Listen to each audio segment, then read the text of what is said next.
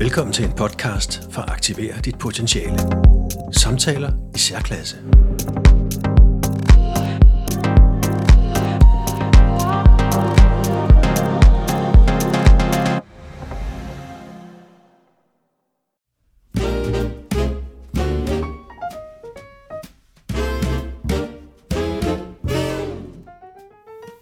Jeg har i dag besøg af Nils Albertsen, og øh, vi skal lave en serie af podcasts om et emne, som er så stort, så det kræver flere episoder i hvert fald. Nemlig om aldring. Og øh, for lige at gå direkte på, Nils, så, øh, så fortæl lige lidt om, om den ærlige samtale. Den, som du øh, oplever som en ældre mand, øh, som kan være svær at have med de nærmeste. Det var lidt knudet formuleret, men jeg glæder mig til, at du lige øh, breder den ud for os. Ja, altså med alderen bliver jeg mere og mere optaget af det fænomen, som jeg kalder den ærlige samtale. Øh, og det er noget med, at man med sine nærmeste en gang imellem prøver at få svar på ting, som er meget alvorlige, ligesom vel som man kan få brug for øh, ting, der er mindre svar på ting, der er mindre alvorlige. Øh, de mindre alvorlige kan være noget med, at jeg spørger, øh, hvor, lang tro, hvor lang tid tror du, eller tror I, at jeg kan blive ved med at slå min græsplæne? Ja. Og der vil svaret jo, kunne jo være, jeg, jeg kan ikke forstå, at du ikke holder op med det samme. Øh, og det er jo et ærligt svar. Men hvis jeg på den anden side spørger, hvor lang tid tror du, jeg kan blive ved med at køre bil?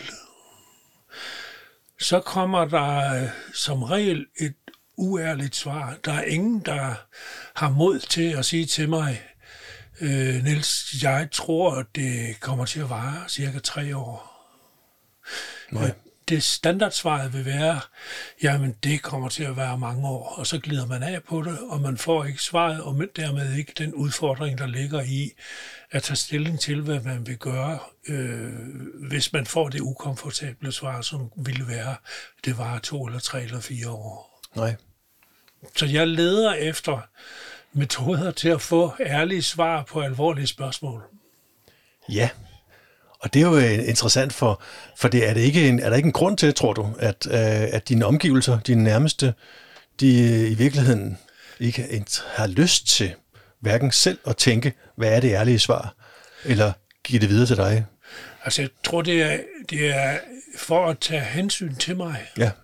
Og øh, det vil det være rigtigt at, at, at vise, hvis, hvis jeg ikke bad om det ærlige svar, hvis jeg var bedst tilpas med at få et undvigende svar, øh, og foretage den virkelighedsflugt, som jo så ligger i det. Men sådan er jeg ikke indrettet. Det kan være, at andre er det, men øh, jeg er det ikke. Aha. Og øh, er der også et element af, at, øh, at, øh, at, at dem, der skal komme med de ærlige svar, eller stille de ærlige spørgsmål, altså de nærmeste, at de selv synes, at, det, at de ikke har lyst til at, at, at, at tænke de tanker?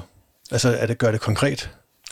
Ja, jeg tror, det er, jeg tror, det er, det er hensynet, og der kunne måske ligefrem ligge en konflikt i det. Ja. Øh, eller starten på en konflikt i det, og det er jo ikke særlig hensigtsmæssigt. Det vil man jo gerne undgå. Jeg vil også gerne undgå konflikterne, men jeg tror godt, man kan få en ordentlig og god og ærlig, meningsfuld samtale øh, om noget alvorligt, uden at, øh, at det bliver til konflikt. Ja. At, tror du, du er øh, anderledes end de fleste? Altså, at, øh, fordi du er den, du nu er? Ja, det er jo... Det, det er svært at sige. Der er sikkert ja. statistiske tal, der, der kan vise det, men øh, statistik, statistik kan jo ikke bruges til øh, til ret meget øh, fornuftigt, og statistik kan misbruges. Jeg ved, at den gennemsnitlige levealder for mænd er 79 år cirka, og jeg er 82, og det betyder vel, at jeg egentlig burde gå op i min seng og lægge mig. og lægge mig. ja. og, og på samme måde som jeg hørte om en familie, der havde tre børn, og som ikke turde få et fjerde, fordi de vidste, at statistikken viser, at hver, tredje, hver fjerde barn, der fødes på jorden, er en kineser. ja. Så det skal man også passe på med. Ja. Så i forhold til den ærlige samtale der, så, så hører du i hvert fald til dem, øh, og jeg gætter på, at det er et mindretal, der ligefrem, som dig efterspørger, og siger, at du, du har faktisk glæde af, at, at I kan snakke om, om tingene, som de måske er, frem for at pakke det ind i, i lidt for meget cellofan, at det hele er, det er fint. Der er ikke noget at bekymre sig om.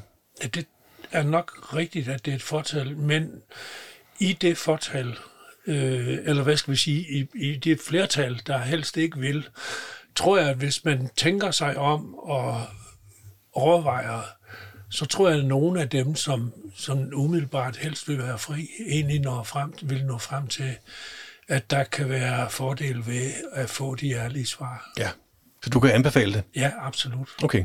Selvom det så også er netop ærlige svar? Ja. Okay. Jamen, øh, det er spændende. Øh, så lad os gå tilbage.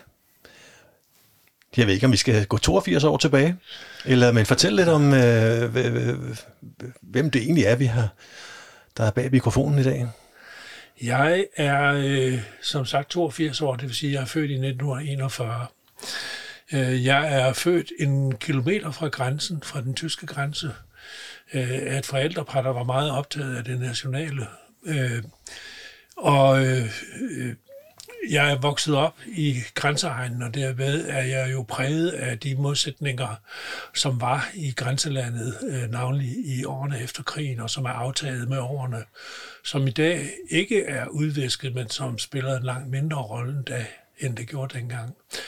Jeg gik i skole og fik en realeksamen, påbegyndte øh, gymnasiet, men blev chikaneret ud af en lærer, som øh, havde et horn i siden på min far. Øh, og det var så kraftigt, at jeg blev nødt til at bede om at, at forlade øh, gymnasiet og komme over i realklassen i stedet for. No. Det førte så til, at jeg øh, gik i mesterlærer og som smed og blev udlært smed, fik mit svendebrev, hvor efter jeg gik på, øh, på teknikum og blev teknikumingeniør. Det var på en tid, hvor man for at blive teknikumingeniør skulle have et, et svendebrev. Det var inden man begyndte at lave reagensglasbørn på, på teknikum. ja. øh, efter da var jeg soldat, og efterfølgende fik jeg så forskellige jobs øh, på Sjælland, både i Nordsjælland og i Nødebo og øh, havde øh, en to-tre jobs der, inden jeg startede for mig selv som iværksætter i Vendsyssel, og startede en virksomhed, der i dag kører i bedste velgående uden, uden min medvirkende, et firma, der hedder Kubik. Og der var jeg i 10 år, og jeg synes, det var etableringsfasen absolut, der var den mest spændende. Det blev langt mindre spændende, da det var, var mere drift end, end etablering og udvikling. Mm-hmm.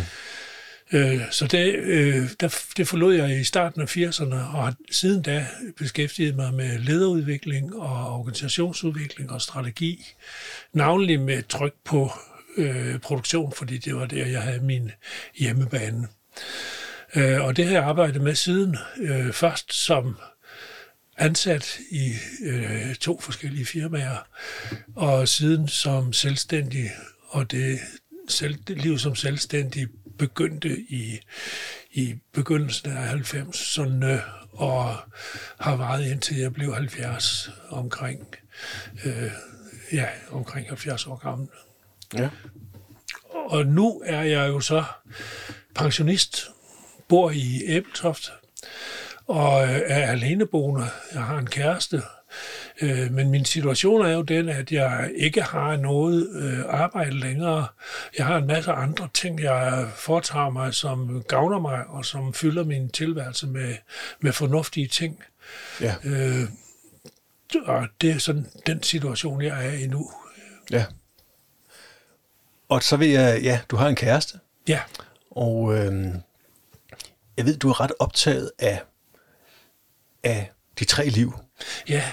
Øhm, fortæl lidt om, hvordan ja. Hvad tre liv, hvad er det? De tre liv, det er sådan tre øh, særskilte øh, liv, som man som partner i et, altså i et parforhold øh, skal være bevidst om, og som man skal vide, hvordan man håndterer. Og det er det ene liv, det er det, man selv har. Og det liv, som du fylder din tilværelse med, de aktiviteter, du laver, de opgaver, du stiller dig selv eller får af andre. Øh, og på samme måde er der et liv for din partner, som har sit eget liv med sit eget øh, indhold og ansvar. Øh, og så er det det tredje liv, så er det liv, man har sammen. Mm-hmm. Altså de ting, man har i fællesskab. Og mit liv er min partner tilskuer til, som sagt. Og hendes liv er jeg tilskuer til.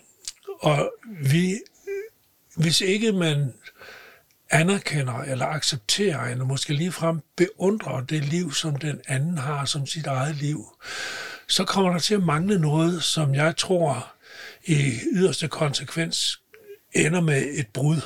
Altså den dag ens partner ikke synes, at det liv, man har, har et tilstrækkeligt godt indhold, godt og sundt og ærligt indhold, øh, der er der risiko for, at, øh, at forholdet opløses på samme måde, hvis det er hende, der har øh, et liv, som jeg ikke øh, respekterer eller anerkender, eller måske ligefrem beundrer. Og så er det det fælles liv, og så sker der det, når man bliver ældre, at der opstår så behov for at ændre rammerne, eller hvad skal vi sige, grænserne imellem de tre liv. Mm-hmm. Øh, og der er ting, som skal flyttes fra det ene liv til det andet. Min kæreste og jeg, vi har hver sin bopæl, og det er vi bevidste om. Og det betyder, at hendes bopæl er noget, og det, der knytter sig til hendes bopæl, er noget, der vedrører, noget, der vedrører hendes liv. Og min bopæl vedrører mit liv. Havde vi valgt at bo sammen, så ville vores fælles bolig og de ting, der er knyttet til, øh, til, til vores fælles bolig, det ville være noget, der hører til i vores fælles liv. Det er det ikke, som det er nu, for vi er, fordi vi har valgt det anderledes.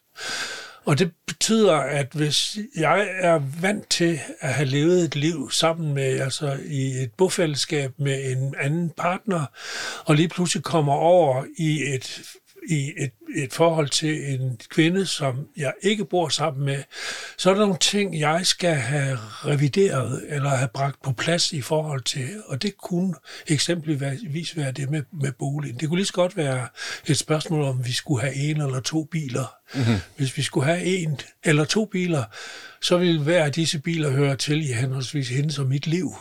Men hvis vi blev enige om, at vi kan nøjes med en, så ville der opstå en masse ting, som vi i vores fælles liv måtte håndtere som en fælles opgave. Ja. Og sådan er der mange ting, der flytter sig, og det bør man være opmærksom på, og man bør være opmærksom på det, øh, tror jeg navnlig, hvis man er på vej, og det er der jo mange ældre, der er, også i min alder, som er på vej ind i nye, eller i en ny relation. At mm-hmm. er man på vej ind i en ny relation, øh, og man kommer fra et alene liv, så tror jeg, det er sundt, at man øh, holder for sig forestillingen om de tre liv. At nu kommer du ind i en relation, hvor der ikke bare kun er dit eget liv. Nu kommer du altså ind i en mere kompliceret øh, situation, hvor du både har dit eget liv, og du skal også forholde dig til din partners liv, og så endelig har I jeres liv sammen. Ja. Så jeg er meget optaget af, af, af de ting, som er i vores liv, eller i de tre forskellige liv, og hvordan vi bærer os ad med hele tiden og have dem ført af jure. Ja. Jeg tænker på, øhm, jeg, jeg, jeg har selv øh, aldrig haft noget behov for at blive gift. Øh, og det er ikke det samme som ikke at have noget behov for at have et, et, et godt og solidt forhold. Øh, og det er ikke fordi, jeg elsker, når nogen bliver gift. Øh, jeg synes, det er super, øh, og jeg anerkender det. Og, øh, men, men jeg ser sådan på det, at, at, øh, at blive gift, det er for mig at se øh, en form for falsk tryghed. øh, I hvert fald i min verden. Fordi jeg kan, øh, jeg, jeg, jeg kan egentlig ikke bruge det faktum, at der er nogle papirer, der er skrevet på, at, øh, nu er vi gift, og vi har lovet hinanden øh, til vores dages ende, men mere, at, at det, det er der, hvis det er der. Vi har et forhold, fordi vi vil have et forhold, og vi gerne vil hinanden. Øh, og, Øh, og derfor øh, så tænker jeg, at det, det, det, mit, i min verden, så skal et forhold bæres op af, af netop, vil man hinanden, og så må man også dyrke forholdet, sådan at, at det at ligesom, øh, i sig selv er bæredygtigt. Ikke? Øhm, og når du så siger, at I har valgt ikke at, at flytte sammen, så fik jeg bare tanken, øh, er det egentlig, er det egentlig jeres visdom med alderen, der gør, at I ikke har behov for at flytte sammen, men at I, tager det, fordi at det er det rigtige grunde at sige, at I vil hinanden, men alt det her med, med flyttekasserne, og hvor mange biler, og al koordinationen og sådan noget, det skal ikke stå i vejen for jeres liv sammen. Ja, det er svært at, at svare på, men øh, for mig er det også, altså det med at have en hvilelse, hvilesesattest, som det hedder, øh, det betyder også øh, mindre for mig, men der er jo en, en række øh, praktiske forhold, som bliver bragt på plads med en hvilesesattest omkring arv og fællesskab, mm-hmm. omkring fælles økonomi og, og alle de, der, der, der er sådan nogle praktiske ting, som, som man kan have brug for at, at have på plads på en anden måde, men det er mere sådan et, nogle valg, man foretager sådan, øh, øh, ud fra andre hensyn, end det, der handler om, men, om man vil hinanden og ikke vil hinanden. Hvis man vil hinanden, så har man den relation til hinanden med eller uden øh, hvilesattest. Men jeg tror, det er noget, der udvikler sig, at man bliver mere og mere bevidst omkring de der ting med, med alderen. Det tror jeg bestemt, okay. det er. Ja. Øh, og man er jo i virkeligheden som som ung er man jo tankeløs og i virkeligheden ganske ukvalificeret til at foretage de, de, de der valg, som man bliver tvunget til øh, at, at, at, at tage i en alder, hvor man måske som 18, 20, 22-årig, øh, hvem man skal bringe, tilbringe resten af livet øh, sammen med. Ja. Øh, så der er ikke noget at sige til, der er mange ægteskaber, der, rev, der revner. Har du en, øh, øh, nogle udover at du har masser af erfaring, men har du, har du øh, når du kigger tilbage, en, øh, nogle, skal vi sige, nogle konklusioner af et eller andet slags i forhold til, hvad, hvad skal der til for, øh, for det der fælles tredje liv? Eller i det hele taget et liv sammen med en anden? Er der et eller andet, øh, man skal to-do, hedder det, øh, do og don't liste? Nej, det, er, det, det har jeg ikke, øh, det tror jeg ikke rigtig, jeg har noget svar på. Mm. Tænker du på noget bestemt? Jamen, nu tænker jeg lige på, øh, at øh, du i hvert fald tidligere har beskrevet for mig, hvordan dit, øh, i dit øh, arbejdsliv, at der var du, der var du den, der, der skaffede ja. brød på bordet, og måske ikke øh, var så skarp på de sociale relationer ja. og den slags. Ja.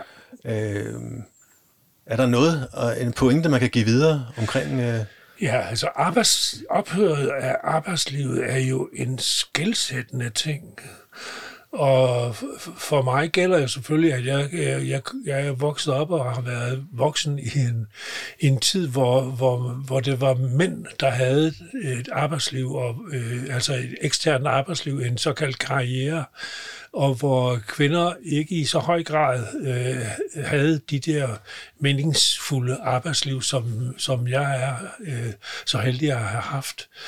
Og det er klart, at når sådan et arbejdsliv ophører, så opstår der jo et tomrum, ja. øh, som skal fyldes, og det skal fyldes på en fornuftig måde, og øh, man hører jo samtidig nogle, nogle bemærkninger, som, er, øh, som jeg ikke synes er velplaceret. For eksempel hører man jo folk sige, nu bliver du pensioneret, og hvor bliver det dejligt med al den tid, du får.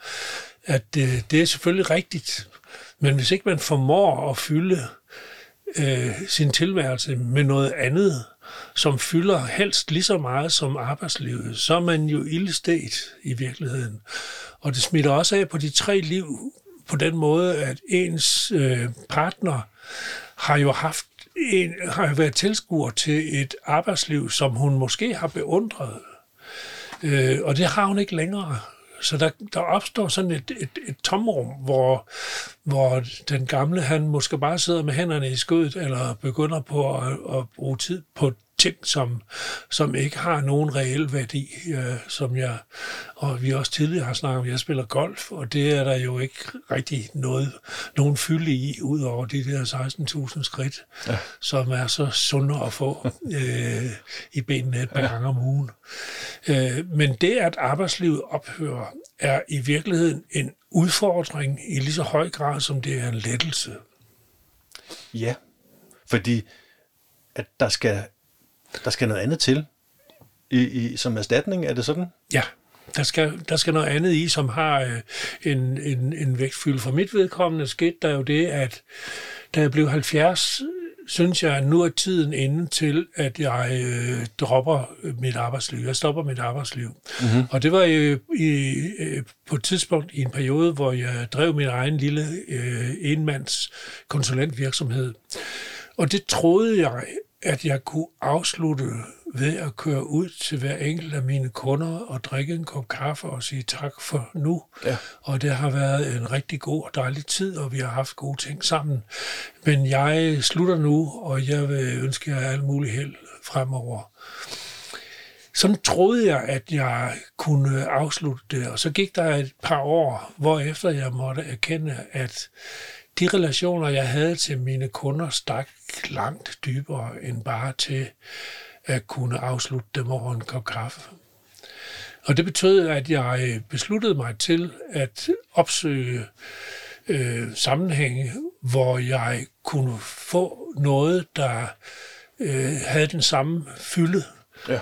som de relationer, jeg havde til mine, til mine kunder. Og det fik jeg ved, at jeg som pensionist tilbød mig som sparringspartner for øh, iværksættere her lokalt i Æbeltoft, hvor jeg bor.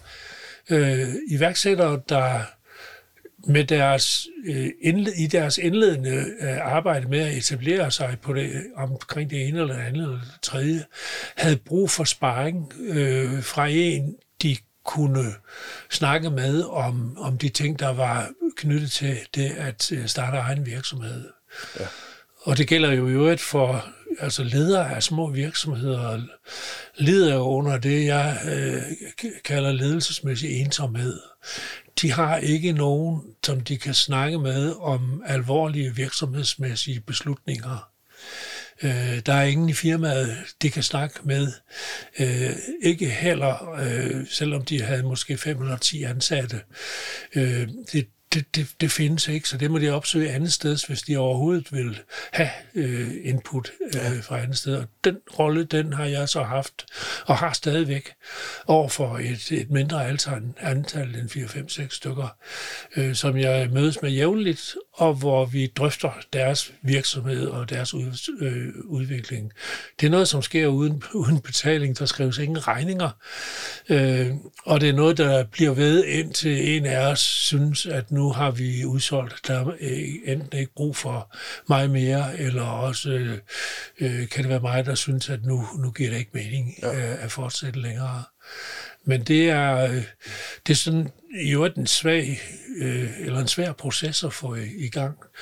Det med, at konsulenter sender regninger til deres kunder, er en fantastisk sund ting, sund ting, næsten nødvendig ting, fordi mm-hmm. det tvinger kunden til at gøre sig overvejelser om, om det er pengene værd. Ja, det kan man sige. Og inviteres man til gratis middag, så klager man ikke over maden. Det gør jeg i hvert fald ikke. Nej.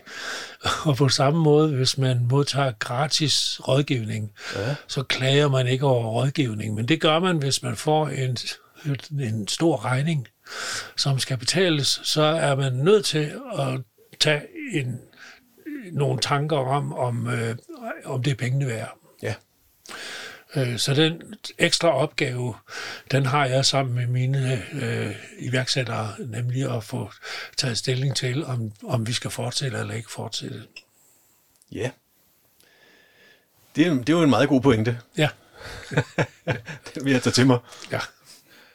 At der i, i, i den her tid, hvor det forekommer mig, at, øh, at, at dem på arbejdsmarkedet, vi efterspørger, det kan næsten ikke blive unge nok.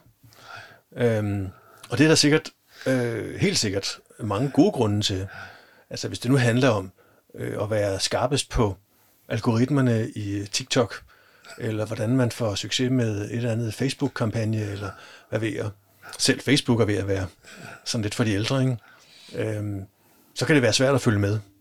Øh, men er der, er der et eller andet, som der går igen i arbejdslivet, skråstreg erhvervslivet, i forhold til, øh, hvad det er for eksempel en virksomhed eller en leder har brug for, som, som du har kunnet, som der stadigvæk er brug for, selvom du er 82 år? Ja, der er jo, der er jo den der generelle erfaring, som man kunne kalde livserfaring, som er dannet af de ting, man har oplevet, op- og nedture, øh, og som og som samtidig kan være noget værd for andre. Øh, til gengæld så er der selvfølgelig også den risiko, der ligger i, at, at nogle gamle ser sig selv som orakler, og, øh, og, og ser en, en måske overdreven værdi i det, de øh, kan og ved og har oplevet. Så det er noget med at, at afbalancere tid, øh, tingene og have evnen til at øh, sortere, hvad der vil hvad der vil være velplaceret, og hvad der ikke vil være velplaceret. Og der sker jo nogle, nogle forandringer i samfundet, som gør, at visse ting, som jeg har oplevet, ikke øh, er så vigtige, som, som de måske var engang. Jaha, hvad kunne det være? Øh, ja, jeg kan nævne eksempelvis, at, at i min tid var det, eller i hvert fald ansås det for vigtigt, at når man traf virksomhedsmæssige beslutninger, så skulle det for guds skyld være de rigtige beslutninger. Og det kunne samtidig tage tid at nå frem til de rigtige beslutninger. Og det var jo et held i forhold til, at ting skete langsommere i den tid, end de gør nu. I dag er det jo næsten sådan, at en beslutning i en virksomhed skal tages hurtigt, og at det er vigtigere, at den tages hurtigt, end det er, at den er rigtig. Mm-hmm. Så det værste, du kan gøre, det er at sidde med hænderne i skødet og bruge tiden på at raffinere din beslutning og øh, gøre den 100% rigtig, i stedet for bare at være 98% rigtig. Og der er øh, dagens, øh, nutidens ledere i langt højere grad øh, bundet op af, at det er nu, der skal besluttes, fordi om en uge eller 14 dage, der er toget kørt. Mm. Så det er sådan en omstændighed, som, øh, som kan slå benene væk under at øh, sidde og præge og bræge om sin øh, erfaring med hensyn til at træffe beslutninger. Ja. Det er et vilkår, som er anderledes nu, end det var dengang. Og der er sikkert ja. andre. Og hvis du skal sådan zoome lidt ud, hvordan ser du det så? Er der, er der noget om snakken? Er der behov for reelt behov for at træffe hurtige beslutninger frem for grundige beslutninger? Ja, det, det, det tror jeg godt, der, der kan være. Altså, jeg tror bestemt, at det er fornuftsbestemt, og det ikke bare er en, en, en, en dille eller en grille. Mm. Øh, jeg tror, at det er fornuftsbestemt, at det, sådan er verden, og tingene foregår øh, hurtigere og hurtigere og hurtigere. Ikke? Ja. Så det, det, det tror jeg på er, er rigtigt, og at det ikke bare er, er noget, nogen øh, har fundet på. Ja. Og når du så er, er hvad skal man sige, relevant for, for iværksættere, øh, at de rent faktisk synes, at, at det for deres del, at det er umagen værd at trække dig ind. Hvad, hvad, ved du, hvad, hvad det er, der så gør det? Ja, altså, jeg tror selvfølgelig, at det, jeg kan bidrage med, det hjælper. Men jeg er også opmærksom på, at noget af det kan være selvhøjtidlighed. Altså, jeg er forberedt på, at nogle af de ting, som jeg vil diske op med, at dem, de vil fornuftigvis blive sorteret fra af dem, jeg øh, snakker med øh, om de ting. Det er meget vigtigt, at man forholder sig også kritisk til det, øh, gamle mænd siger, uanset hvor kloge de er. Så, ja. så, så, så det, der skal ske en sortering. Ja. Skal der ikke altid det? Tror du ikke, alle gør det, i uanset hvem man, øh, om hvad en konsulent man nu trækker øh, på? Jo, jo, øh, det, det tror jeg. jeg tror det, men, øh, men måske alligevel ikke altid. Jeg tror, at nogen bliver rådet til at gøre ting, som er forkerte, og at der kan ske forfærdelige ting, hvis man følger den slags råd. Ja. Hvis jeg så går hen til, tilbage til det med aldring, øhm, er aldring en del af problemet, eller en del af løsningen? det var det store spørgsmål. Ja, det, det er svært at, at svare på. Det er måske, det er måske begge, begge dele. Ja, grunden til, at jeg, jeg får den tanke, det er, at jeg, jeg synes, at vi, vi har så meget altså, som samfund, måske ikke bare vores samfund, jeg ved ikke, om det gælder hele vejen rundt om jorden, vi har meget fokus på, på øh, at alder er et problem. Øh, og det, det er nok, fordi vi også hele tiden bliver øh, bombarderet med det. At det, Nå, nu kan du ikke længere løbe den der halvmarathon, eller jeg har også fået ondt i knæet. Jamen, det er også fordi, vi er jo heller ikke ja. de yngste længere. Ja, altså. Eller du er blevet 50, ja, så skal du nok ikke regne med, at du kan få noget andet job. Øh, og og jeg, jeg kender folk, der nærmest virker som om, at de, de, øh, de ser en, en dyster fremtid for sig, fordi at øh, tiden går, og, og, og det er nærmest sådan, at det, det, det er et langt øh, glidende nederlag. Ja, det, det er jo en af de ting, som jeg øh, faktisk for tiden arbejder på med, med held. Jeg synes, jeg, jeg lykkes med det i et vist omfang. De dårligdomme, man har, altså man får jo forskellige sygdomme, og det kendetegner jo næsten alle os gamle, at vi har en kombination af flere forskellige dårligdomme, og det er det, der gør det, gør det kompliceret. Men, men vi har den der, øh, de der øh, sygdomme eller dårligdomme, som kommer til os, og som, og som, som gør, at vi bliver tilbøjelige til at se de der tilbageskridt, som sker, som en lang, ubrudt række af små nederlag. Mm-hmm. Og det er jeg det, det synes jeg er forkert. Jeg vil meget gerne, og jeg er på vej til i højere grad at opfatte det som et naturligt forløb, hvor jeg i stedet for ærger mig, måske kan trække på smilebåndet, når jeg oplever, at der er ting, jeg fysisk, øh, men også mentalt, ikke er så god til, som jeg var tidligere. Men den der ubrudte række af små nederlag, kan, tror jeg, kan tage, unødvendigt tage humøret fra os en gang mm. imellem. Øh, fordi de, de kommer jo til at ske. Og man er sådan lige ved at kunne sige, at, at de sker planmæssigt. Ikke? At det går planmæssigt tilbage. Og hvis ja. man med et smil på læben kunne opfatte det sådan, ja. så tror jeg, at man kunne øh, være i bedre humør, når, de, når det skete. Og det ja. tror jeg er en god idé. Men vi hjælpes jo også vi hjælpes jo på vej til disse dårligdomme med det, som nogen kalder teknologiske fremskridt. Og ja, som, jo, ja, altså, som, som jo i virkeligheden næsten alle sammen er bidrag til vores degenerering. Mm-hmm. Øh, at, at, at de, de ting, så de, de fordele eller de teknologier, der tilbydes os, øh, de bidrager jo til vores forfald i virkeligheden. Altså grunden til, at jeg har kagearm, det er, at jeg har elektrisk rudehejs, og jeg har servostyring øh, på, min, på ja. min bil. Ja. Og så går jeg på rullende trapper, når de tilbyder sig. Øh, og det er jo i virkeligheden noget, som jeg burde ikke have, altså ikke have glæde af. Det vil have bedre af at hive i rettet og dreje på øh, øh, vinduesrudehejset øh, ja. øh, og så videre.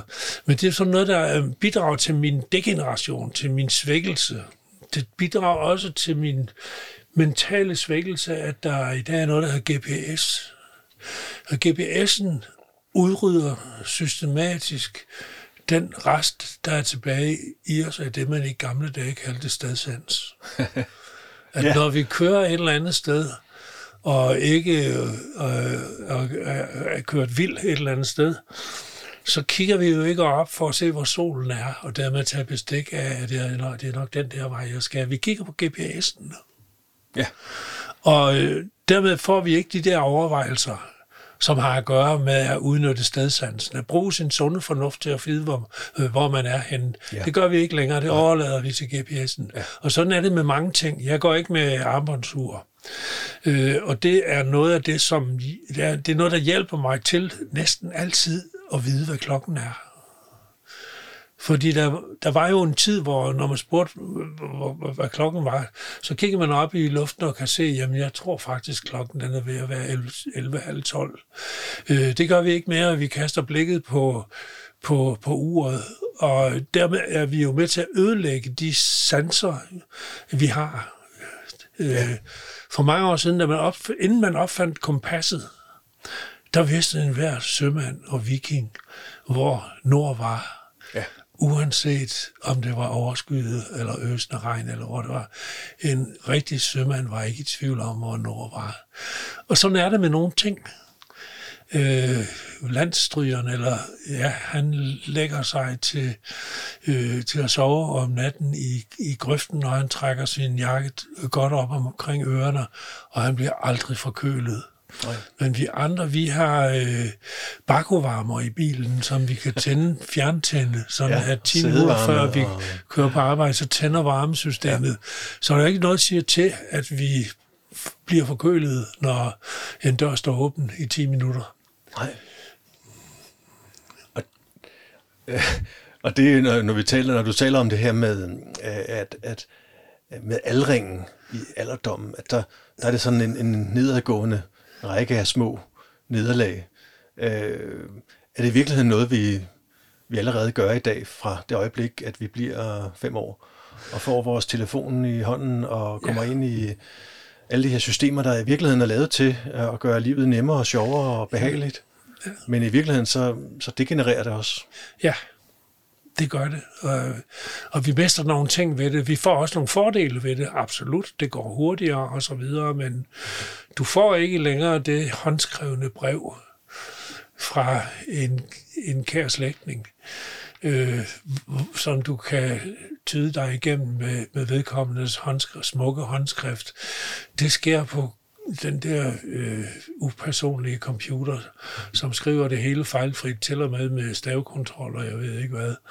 Øh, så så vi, vi, vi fjerner mere og mere af, af, af det personlige, og det er svært at afgøre, hvad der i virkeligheden er fremskridt, og hvad der ikke er fremskridt. Måske lige frem tilbageskridt. Ja, så den har to sider. Den, den er vores øh, teknologiske og, og hele samfundets udvikling. Ja. Ja. Og, og er det noget, vi, vi overser? At, øh, at hvad, altså, nu tænker jeg på, at du har så meget livserfaring, så at, er at noget, du tænker, at vi overser, at vi også i virkeligheden degenererer, fordi vi bliver mere og mere inkompetente til rigtig mange ting, som, som vi bare overlader til noget, der, der i virkeligheden er bedre. Det kunne også være kunstig intelligens. Ja, det gør vi jo. Altså, det gør vi jo. Den kunstige intelligens er jo en gave øh, Øh, først og fremmest en gave i disse tider, hvor vi, hvor vi snakker så meget om manglen på varme hænder, og jeg ved ikke hvad i vores, sundheds, i vores sundhedssystem. Der står nu øh, øh AI, altså kunstig intelligens, til rådighed og kan hjælpe læger og sygeplejersker med at, at stille diagnoser og lave behandlingsplaner og lave en hel masse ting, som ikke længere behøver at øh, henlægge hos, øh, øh, hos, til beslutning hos lægen. Øh, øh, men som kan foretages langt bedre af kunstig øh, intelligens. Jeg har selv en, øh, et forløb lige nu med et dilemma, hvor jeg på den ene side har noget hjerteflimmer, som gør, at jeg får noget, noget blodfortyndende, som, som øh, mindsker risikoen for blodprop. Og samtidig har jeg noget, nogle problemer med mit prostata, som så mange andre, og efter øh, tre godartede operationer, øh, som gør, at øh, der er tendens til blødninger. Øh, og de blødninger, de forstærkes selvfølgelig af den blodfortynding, som jeg har. Jeg er mere, jeg er mere sårbar over for, over for øh, de ting, end, end, end jeg er uden, uden, uden blodfortynding. Og det er to sæt læger eller behandlere, som tager sig af henholdsvis det ene, min blære, og det andet, øh, øh, mit, mit, mit kredsløb. Mm-hmm. Og det er umuligt for mig at få dem til at træffe en afbalanceret afgørelse om, hvad jeg skal gøre. De siger direkte til mig, at det er en beslutning, jeg selv skal træffe, om jeg vil reducere min dosering af blodfortynding og dermed øge min risiko for en blodprop. Ja. Øh, for ham, der der har ansvaret for mit kredsløb, hvis man kan sige det på den måde. Han skal ikke have ørerne i maskinen ved at øh, sige til mig, at øh, jeg synes, du skal halvere din, dit indtag af, af blodfortyndende medicin. Øh, han skal ikke have ørerne i maskinen og risikere, at, der, at jeg får en blodprop, og at der efterfølgende kommer nogen og, og, og siger, at det dig, der har ordineret en halvering af Nielses ja. blodfortyndende medicin, så er, det, så er det hans skyld. Ja. Og den der ansvarsforflygtigelse, øh, de, altså dem, der, øh, der øh, tager sig af min prostata, de vil heller ikke tage beslutningen om halvering, fordi de, de, de løber jo også risiko for, er det jer, der har sagt mm-hmm. det, at Niels han skal halvere osv. Så, videre. så der er sådan et engelmandsland der, hvor ingen tør træffe en beslutning. Det ansvar påviler ikke en maskine, en kunstig intelligens. Den vil komme med det objektivt rigtige svar for mig. Ja. Uden at der hænger noget ansvar på skuldrene af maskinen. Det har den trods alt ikke kapacitet til. Øh, så det betyder, at der kommer mere øh, kvalificerede svar på komplicerede spørgsmål. Ja. Og det er jo en helt ny situation, at, øh, at, at det, det meget hurtigt bevæger sig over mod, at dem, der har det bedste svar, det er dem, som ikke har noget ansvar. Ja. og, øh, og at... Øh, altså, jeg tror ikke, der er nogen, der har fantasi til i virkeligheden at forestille sig, hvad, hvad kunstig intelligens øh, vil være i stand til. Vi, jeg, jeg, som jeg ser det, er vi vant til, at, at øh, vores teknologier, at de, de øh, for nogen ses som en del af løsningen, og for andre ses som en del af en trussel. Øh, jeg kan huske det i starten af 80'erne, hvor der var typografstrække, øh, fordi nu kom der altså computer, der kunne lave det der øh, sat, sæt, sætte aviserne, og det var jo frygteligt. Øh, og det er jo klart, hvis man umiddelbart ser det som, jamen der er der noget teknik, der kan overtage, øh, det er da frygteligt, fordi så overtager de jo mit job. Øh, og, og, og, men i virkeligheden, så, hvis man så zoomede lidt ud, så kunne man måske godt se, at der er ikke, det, er ikke, det er ikke et valg. Det, det, det er et vilkår, ja. at sådan vil det være. Ja. Og øh, du må have oplevet mange i ja. din tid af den slags, øh, hvor, hvor teknologien både kan være en del af løsningen og en del af Ja, altså jeg, jeg er jo tekniker, og, og dermed har jeg, beskæft, og jeg har beskæftiget mig med, med produktion. Og teknikere har jo i mange årtier været underlagt, hvad skal vi sige, øh, mekanismer, som foretog beregninger og traf beslutninger i virkeligheden mm-hmm. øh, på områder, der inden man blev klogere, var overladt til, til, til, øh, til, til teknikerne og deres beslutninger. Der findes programmer til styrkeberegninger, der findes dimensioneringssoftware, øh, der kan klare alle de der problemer, og der findes også fysiske øh, robotter, for eksempel, altså produktionsrobotter. Og der er det jo så heldigt, at at robotterne overtog, og sådan vil det jo også være i forhold til, til øh, kunstig intelligens, robotterne overtog jo til at begynde med de mest trivielle opgaver, idiotarbejde, ja. som vi kaldte det, ja. de gentagende ting, de enkle gentagende ting, som havde en opslidende virkning på den menneskelige øh, de, de, krop. Øh, de, de, det var dem, der først blev løst af robotterne, og ja. det var jo en meget heldig ting, sådan at det mere kompliceret tilbagestod. Sådan vil det jo også være med, med kunstig intelligens. Der vil stadigvæk være noget, der er overladt til lægerne. Det bliver mindre og mindre. Altså det med at stille diagnoser og opstille behandlingsplaner øh, og træffe beslutninger, som øh, har at gøre med de ting der, det er noget, som øh, som øh, kunstig intelligens vil kunne gøre øh, meget bedre end læger. Det er der allerede evidens for, at, at sådan er det. Der er foretaget masser af, ikke bare forsøg, men også øh, i drifttagning af, af den slags ting, som, som viser klare forbedringer. Og det er jo en kæmpe fordel. Så, så se det som en gave, men, men, men, men, men vær kritisk. Øh, det skal man selvfølgelig være over for, over for al udvikling. Sund kritisk øh, over for al udvikling. Ja.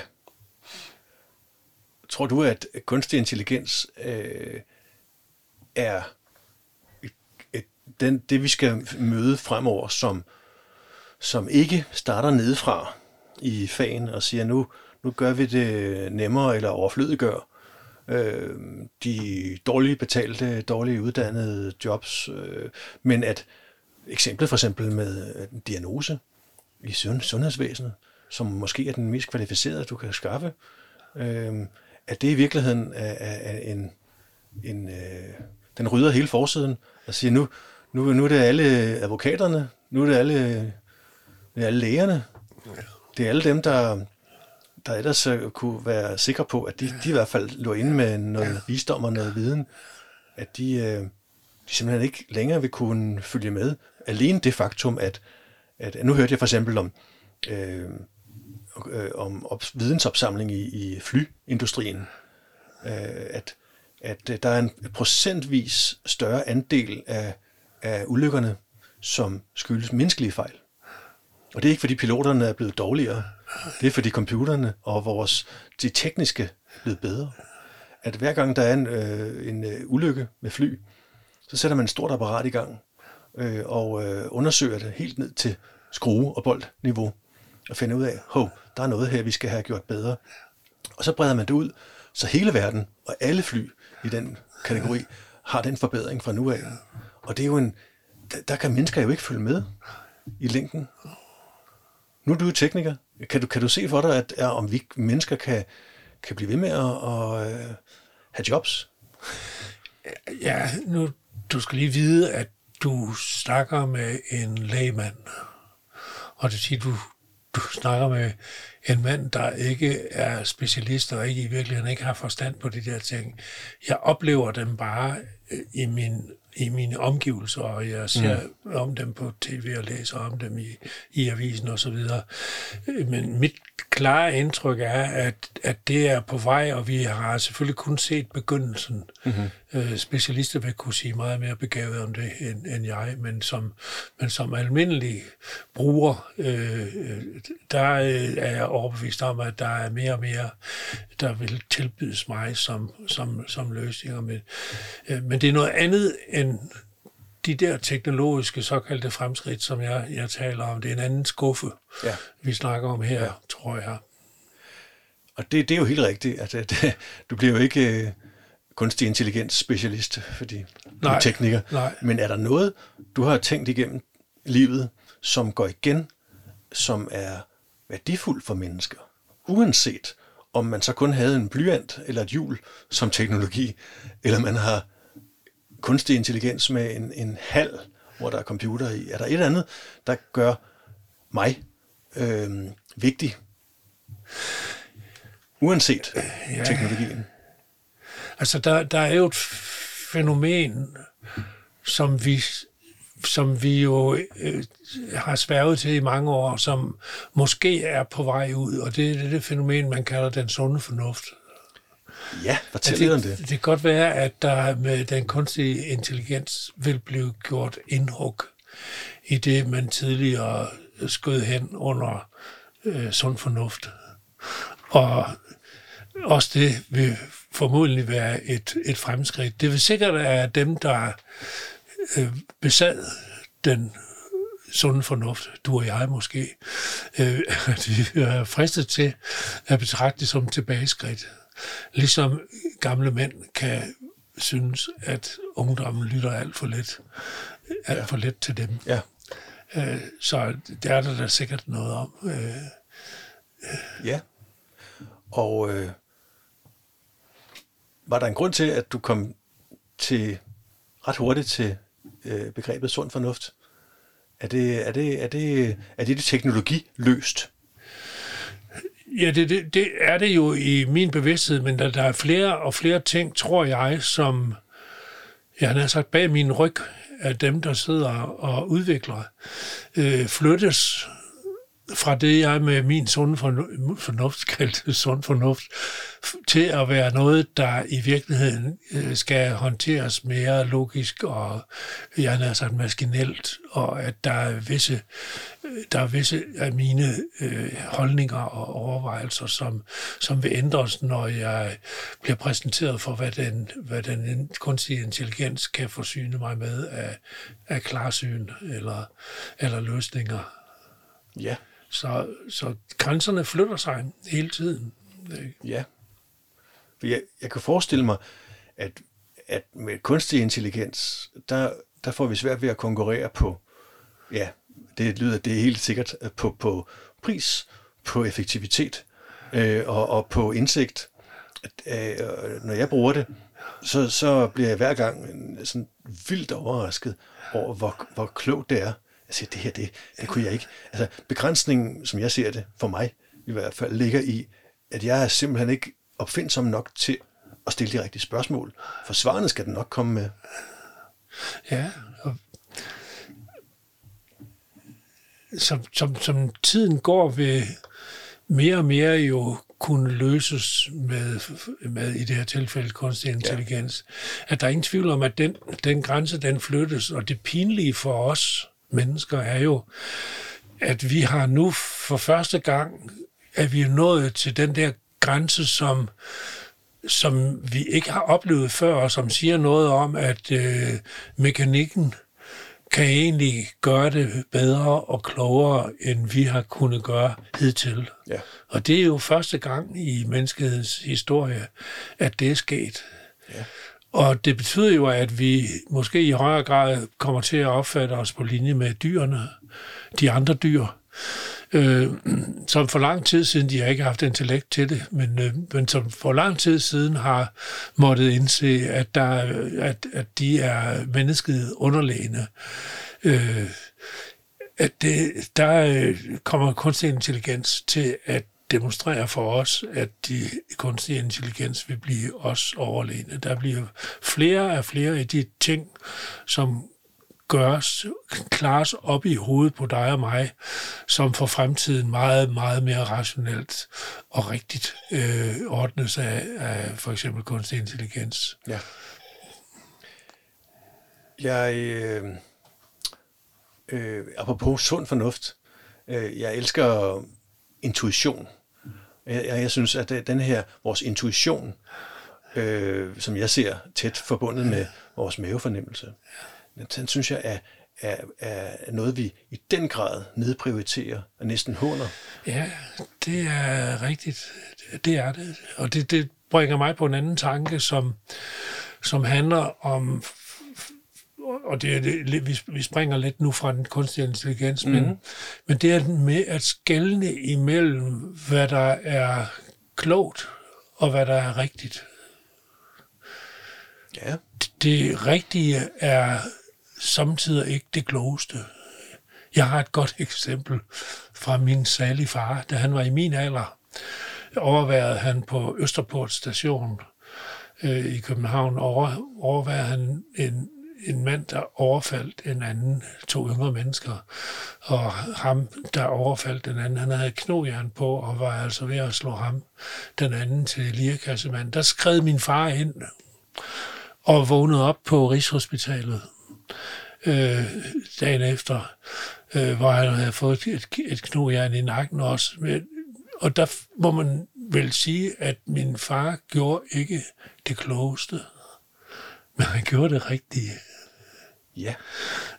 Og det er sådan en overvejelse, som, øh, som måske også vil være en udfordring for, for sådan intelligens at skælne imellem, hvad der er det klogeste og hvad der er det rigtige. Ja, det tror jeg, jeg ret Jeg har selv en, en mistanke om, at de fleste politikere, måske dem alle sammen, hvis de bliver stillet over for en beslutning om at gøre enten det klogeste eller det rigtige, så vælger de det klogeste. Og det kunne være en situation, hvor der er to valgmuligheder. Den ene vil gavne politikeren og hans parti, og den anden vil gavne Danmark og det danske samfund.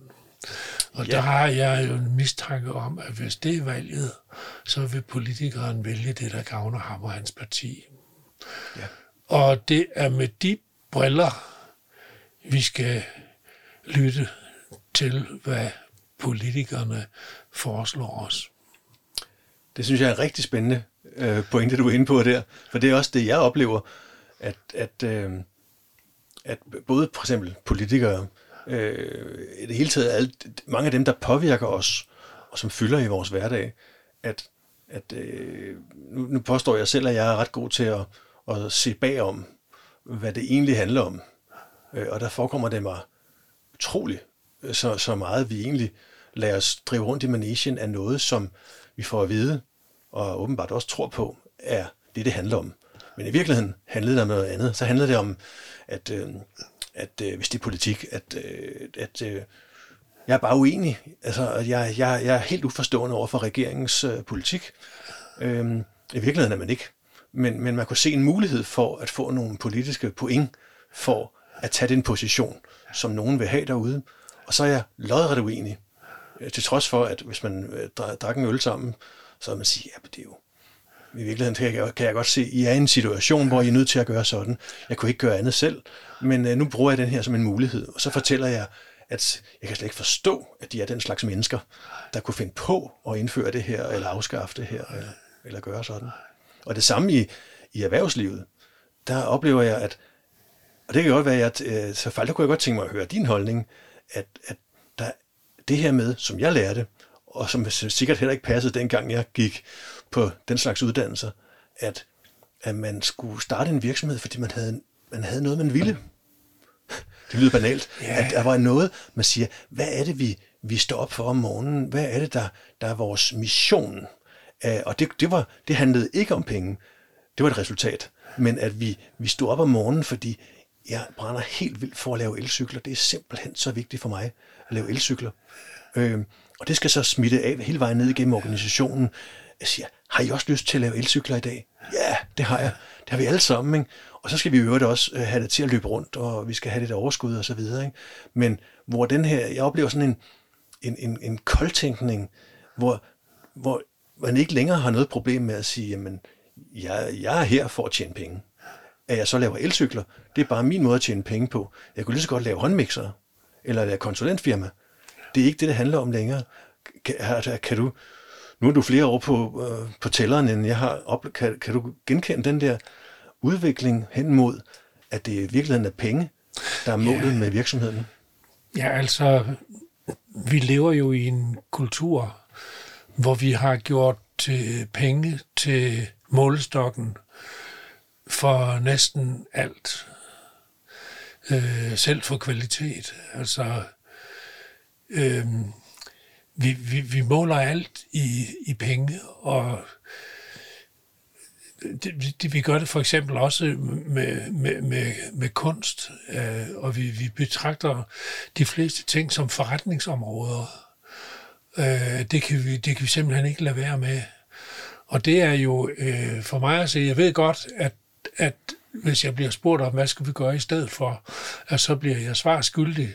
Men jeg synes faktisk, at penge i nogen sammenhæng er en, en næsten ubrugelig målestok for, for succes. Og øh, der er nogen, nu skal man være forsigtig med at nævne navne, men der er nogen, der er inden for kulturlivet, er rigtig, rigtig gode til at tjene penge, men som i virkeligheden laver et produkt, der er lousy. Mm-hmm. Øh, Ja. ja. Og så er der jo også en, der er det igen lidt, lidt et spring, der er jo også, øh, man klandrer øh, samtidig erhvervslivet for at, at agere øh, øh, egoistisk og så videre. Det hele er en, er en jagt på penge. Og det er det jo, er det, er det jo også, at, at, at, at man, man hører samtidig arbejdsgiver sige, at det er da rigtigt nok, at jeg tjener penge på det, men jeg har jo for, til gavn for samfundet, har jeg jo skabt mange arbejdspladser. Mm-hmm. Og det er fuldstændig rigtigt, men jeg har stadigvæk til gode at møde den arbejdsgiver, som har skabt øh, en arbejdsplads, uden at det har været en god idé for ham selv. Ja. så, så, så i, i så han scene, der, der, der bruger vi jo også pengene øh, så, øh, så komfortabelt, som vi kan. Ikke? Ja. Jo, det er det en, måske en gratis omgang. Ja, øh, ja. Fordi de havde ikke gjort det, hvis man øh, skrællede det lag af, der hed... Øh, nej, jeg synes ikke rigtigt, at det er et valid, øh, hvad skal vi sige, at man kan tage til indtægt, at man har, øh, at man har skabt arbejdspladser. Man har skabt arbejdspladser, fordi det har været en rigtig god idé. Og så mm. demonstrerer man jo også selvfølgelig øh, og jeg er selv en af, en af slagsen, at øh, når der i en virksomhed ikke er brug for en medarbejder længere, så, så hører loyaliteten op. Øh, at så skiller man sig af med vedkommende. At selvfølgelig gør man det, fordi det er vilkårene, og det er nødvendigt, og hvis ikke man gør det, så går man rabundus. Øh, så det er mm. jo det er ikke noget med, at, at det er, er kritisabelt. Sådan har vi indrettet os. Ja. Ja. Men det lyder som om, at, at vi måske ikke har den der ærlige samtale om, hvad det egentlig, hvordan det egentlig er skruet sammen, når det kommer til stykket. Ja, vi, vi, jeg synes, vi sætter begrebet loyalitet på prøve. Altså i virksomhederne forlanger vi, eller forventer vi jo af medarbejderne, at de agerer lojalt ja. øh, over for virksomheden. Og overfor virksomheden er jo også dens ejer, dens aktionær eller indehaver osv. Men samtidig kan det jo være svært at få øje på den tilsvarende loyalitet, som burde være hos arbejdsgiverne, som sagde, at i de her svære situationer, hvor vi faktisk ikke har brug for jer, der undlader vi at afskedige, fordi øh, det tilsiger vores loyalitet også at gøre. At den vej øh, rækker loyaliteten øh, ikke så langt. Det er en god pointe. Og jeg skal lige skynde mig at sige, at jeg er jo en af dem, som i, i min, både min, i min iværksættertid, hvor jeg også gjorde kun ting, der gavnede virksomheden, både i mit iværksætterliv, men også i mit liv som rådgiver, øh, selvfølgelig har Øh, efterlevet det, som, som, som jeg beskriver det, det er, at jeg har da medvirket til rådgivningen, selvfølgelig, der, der handlede om at uh, reducere uh, personalet. Men jo, jo. det kan samtidig være svært at få af gode grunde få, få medarbejdere til at uh, synes, at det er en god idé at, at rationalisere mm-hmm. at rationalisere under tiden deres, øh, deres job væk det kan samtidig komme til at, at øh, ligne samarbejdet mellem en slagter og hans gris.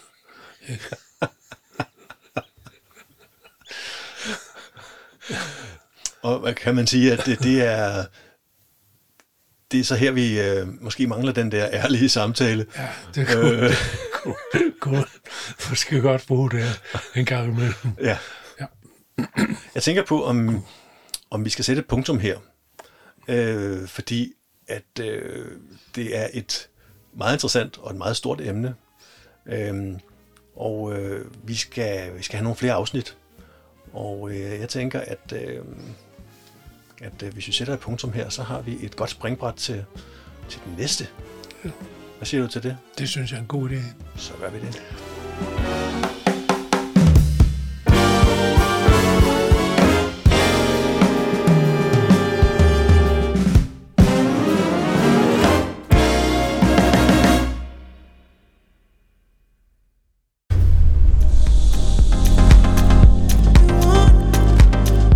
Hør flere podcasts på din foretrukne platform. Og gå ind på aktiverditpotentiale.dk når du selv har noget vigtigt på hjerte.